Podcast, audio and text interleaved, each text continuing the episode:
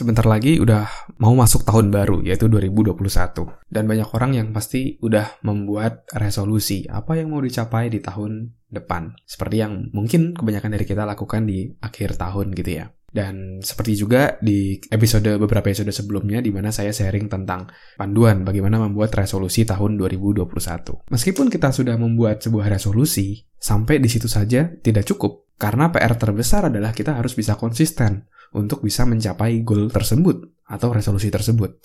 Banyak orang yang udah membuat resolusi, semangat di awal-awal tahun, tapi tengah-tengah udah mulai lupa, dan sampai akhirnya di penghujung tahun baru sadar, oh iya saya punya resolusi ya, baru ingat dia gitu. Yang biasa paling kelihatan itu biasanya di gym gitu ya. Di gym tuh dulu uh, di awal-awal tahun biasanya rame banget tuh ya. Orang-orang memiliki goal, resolusi, memiliki badan yang bagus, perut yang six pack, dan lain-lainnya. Januari, Februari, Maret itu biasanya rame tuh gym, orang-orang datang. Tapi setelah itu mulai sepi, mulai hilang. Orang yang awalnya memiliki resolusi mendadak ya sudahlah, nggak bisa, nggak tidak mencapai goal tersebut, tidak mencapai resolusi tersebut, tidak masalah lah kayak gitu ya. Dan akhirnya di akhir tahun ya tidak ada perubahan yang signifikan untuk tubuhnya. Itu salah satu resolusi yang tidak konsisten dilakukan sampai akhirnya tidak tercapai goalnya. Tidak tercapai resolusinya. Nah, pada konten kali ini saya mau share ada tiga hal yang bisa teman-teman lakukan untuk agar teman-teman bisa konsisten untuk mencapai resolusi yang sudah teman-teman buat. Yang pertama adalah Jadikan itu sebuah habit atau kebiasaan. Dengan membuat sebuah aktivitas menjadi sebuah habit, itu kita akan menjadi otomatis untuk melakukannya. Seperti mungkin kita uh, mandi, gosok gigi setiap malam, itu adalah hal yang rutin. Ketika sudah menjadi habit, otomatis kita akan melakukan. Nah, begitu juga dengan pencapaian goal kita. Kira-kira aktivitas kuncinya apa saja dan mulai dijadikan sebuah habit. Misalnya olahraga. Nah, mulai dijadikan sebuah habit. Misalnya setiap tiga kali seminggu saya akan berlari sejauh minimal 2 km. Nah, itu dibuat habitnya. Misalnya di setiap hari Senin, Rabu, Jumat, seperti itu. Nah, itu bisa dilakukan uh, secara rutin di jam yang sama sehingga itu membuat diri kita juga menjadi sebuah habit. Oh, setiap hari ini, setiap hari Senin, Rabu, Jumat, jam 5 sore saya akan lari. Nah, itu akan jadi sebuah habit. Atau misalnya Anda mau mempunyai sebuah goal untuk terkait pembuatan konten. Mungkin Anda seorang konten kreator. Atau di tahun depan Anda memiliki goal untuk membuat personal branding untuk diri Anda. Nah, itu juga bisa dijadikan habit.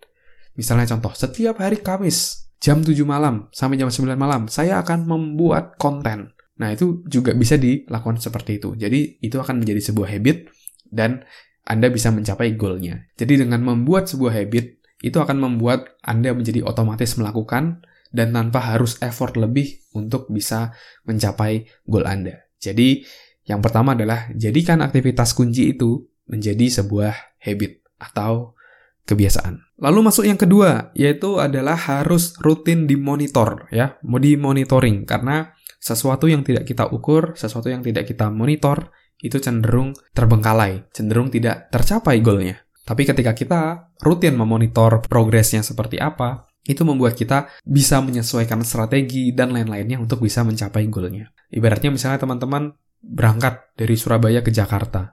Nah, kalau teman-teman tidak memonitor sudah sampai mana, nanti bisa-bisa bablas malah sampai misalnya sampai Cilegon gitu ya, sampai Lampung dan lain-lainnya, bablas gitu. Nah, tapi kan kita melakukan progres. Oh, kita sudah sampai di jalan ini, kita sudah sampai di mana. Kalau misalnya agak sedikit nyasar bisa disesuaikan perjalanannya lagi sehingga bisa mencapai tujuannya dengan tepat waktu dan sesuai dengan target. Nah, begitu juga dengan pencapaian goal pribadi, kita perlu untuk satu yang namanya memonitor. Kalau bisa minimal mingguan kita bisa lihat, oh goal ini minggu ini progresnya seberapa, minggu depan progresnya seberapa gitu. Karena menurut saya kalau setiap bulan itu akan terlalu lama gitu ya. Bisa-bisa habitnya atau goalnya terbengkalai terlalu jauh dan akhirnya malah membuat kita menjadi males untuk mencapainya lagi. Jadi saran saya lebih baik dimulai dari setiap minggu, setiap weekend mengevaluasi pencapaian goalnya dan sekaligus itu menjadi uh, bagian, menjadi kesempatan buat teman-teman juga untuk membuat aktivitas minggu depan, mendesain weekly plan untuk kira-kira apa yang mau dilakukan untuk pencapaian goalnya.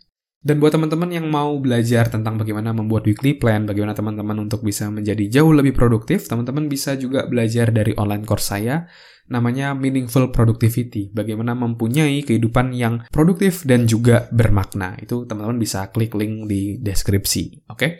Nah, yang ketiga adalah kalau teman-teman mau lebih berkomitmen, teman-teman bisa membuat satu yang namanya public commitment. Oke, okay? kalau kita membuat komitmen pada diri sendiri, mungkin kita akan cenderung bernegosiasi dengan diri. Aduh, capek, udahlah, nggak usah lah ngelakuin ini. Aduh, capek, udahlah, lebih baik istirahat aja, nggak usah ngelakuin A, B, C, D, nggak usah resolusi-resolusi lah, istirahat aja, main aja, happy-happy aja. Nah, mungkin bisa menegosiasi seperti itu. Untuk bisa mengatasi hal tersebut, kita bisa melakukan sesuatu namanya public commitment, yaitu kita tidak cuma berkomitmen pada diri sendiri, tapi kita menyampaikan komitmen tersebut kepada orang lain. Sehingga ada orang lain yang menjadi rekan akuntabilitas aktivitas kita dan melihat progres kita seperti apa dan itu membuat kita jadi jauh lebih disiplin. Apalagi kalau teman-teman memiliki satu yang namanya reward and punishment-nya juga seperti apa. Disampaikan ke rekannya tersebut, kira-kira kalau teman-teman berhasil mencapai goal tersebut, kira-kira apa reward-nya. Terus kalau misalnya teman-teman belum berhasil mencapai target tersebut atau tidak konsisten untuk melakukan take action untuk mencapai hal tersebut, teman-teman akan mendapatkan punishment apa. Nah, itu akan menjadi sebuah motivasi yang cukup tinggi dan cukup kuat untuk teman-teman bisa tetap konsisten untuk mencapai resolusi dan goal yang sudah teman-teman tetapkan ya. Jadi teman-teman bisa melakukan public commitment dengan rekan terdekat juga boleh. Waktu itu saya juga sama, saya nulis buku, saya bikin public commitment melalui sosial media malah waktu itu dari Twitter karena di tahun 2011-2012 itu lebih lagi rame-ramenya Twitter. Saya tulis di Twitter dan ternyata banyak orang yang menanggapi hal tersebut dengan positif. Ketika saya tulis, saya akan nulis buku di tanggal sekian, bulan sekian, tahun sekian. Ternyata banyak banget yang ngasih respon, respon positif dan menunggu buku saya dan jika saya tidak mencapai hal tersebut saya akan malu banget gitu ya udah bilang kayak gitu tapi tidak mencapai. Jadi teman-teman bisa juga melakukan public commitment. Kalau misalnya di sosial media anda kurang nyaman ya anda bisa melakukannya dengan rekan-rekan terdekat dengan pasangan anda dengan orang terdekat seperti itu. Yang penting ada orang lain ada eksternal dari diri anda yang memantau progres diri Anda. Itu kuncinya. Oke, nah itu dia tadi tiga hal gimana sih caranya agar kita bisa tetap konsisten untuk mencapai resolusi Anda di tahun 2021. Jangan sampai resolusi hanya sekedar menjadi tulisan yang indah, tapi realisasinya kurang. Tapi teman-teman harus bisa konsisten untuk bisa mencapai resolusi yang sudah teman-teman buat. Kalau teman-teman mau belajar lebih lanjut tentang produktivitas, bagaimana tetap konsisten mencapai goal, sampai tadi juga terkait bagaimana membuat weekly plan, teman-teman bisa belajar lengkapnya dari di online course saya, namanya Meaningful Productivity. Teman-teman akan belajar detail step by step dari awal sampai akhir gimana caranya agar teman-teman bisa menjadi produktif, membuat rencana dan juga memiliki kehidupan yang bermakna ya. Untuk mendapatkannya silahkan klik link di deskripsi. Oke? Okay? Mungkin itu dulu uh, sharing dari saya, teman-teman. Semoga bisa menginspirasi, semoga bisa bermanfaat. Kalau teman-teman ada pertanyaan yang kiranya bisa saya bahas juga di podcast, atau ada sebuah challenge apa, teman-teman bisa share kepada saya di Instagram. Silahkan DM di @andreasbordes. Kita bisa ngobrol di sana, bisa discuss di sana. Dan jika memerlukan pembahasan lebih lengkap, saya akan jawab melalui episode di podcast. Oke, mungkin itu dulu sharing dari saya. Semoga bisa bermanfaat dan menginspirasi. Saya Andreas Bordes dan sukses selalu buat kita semua.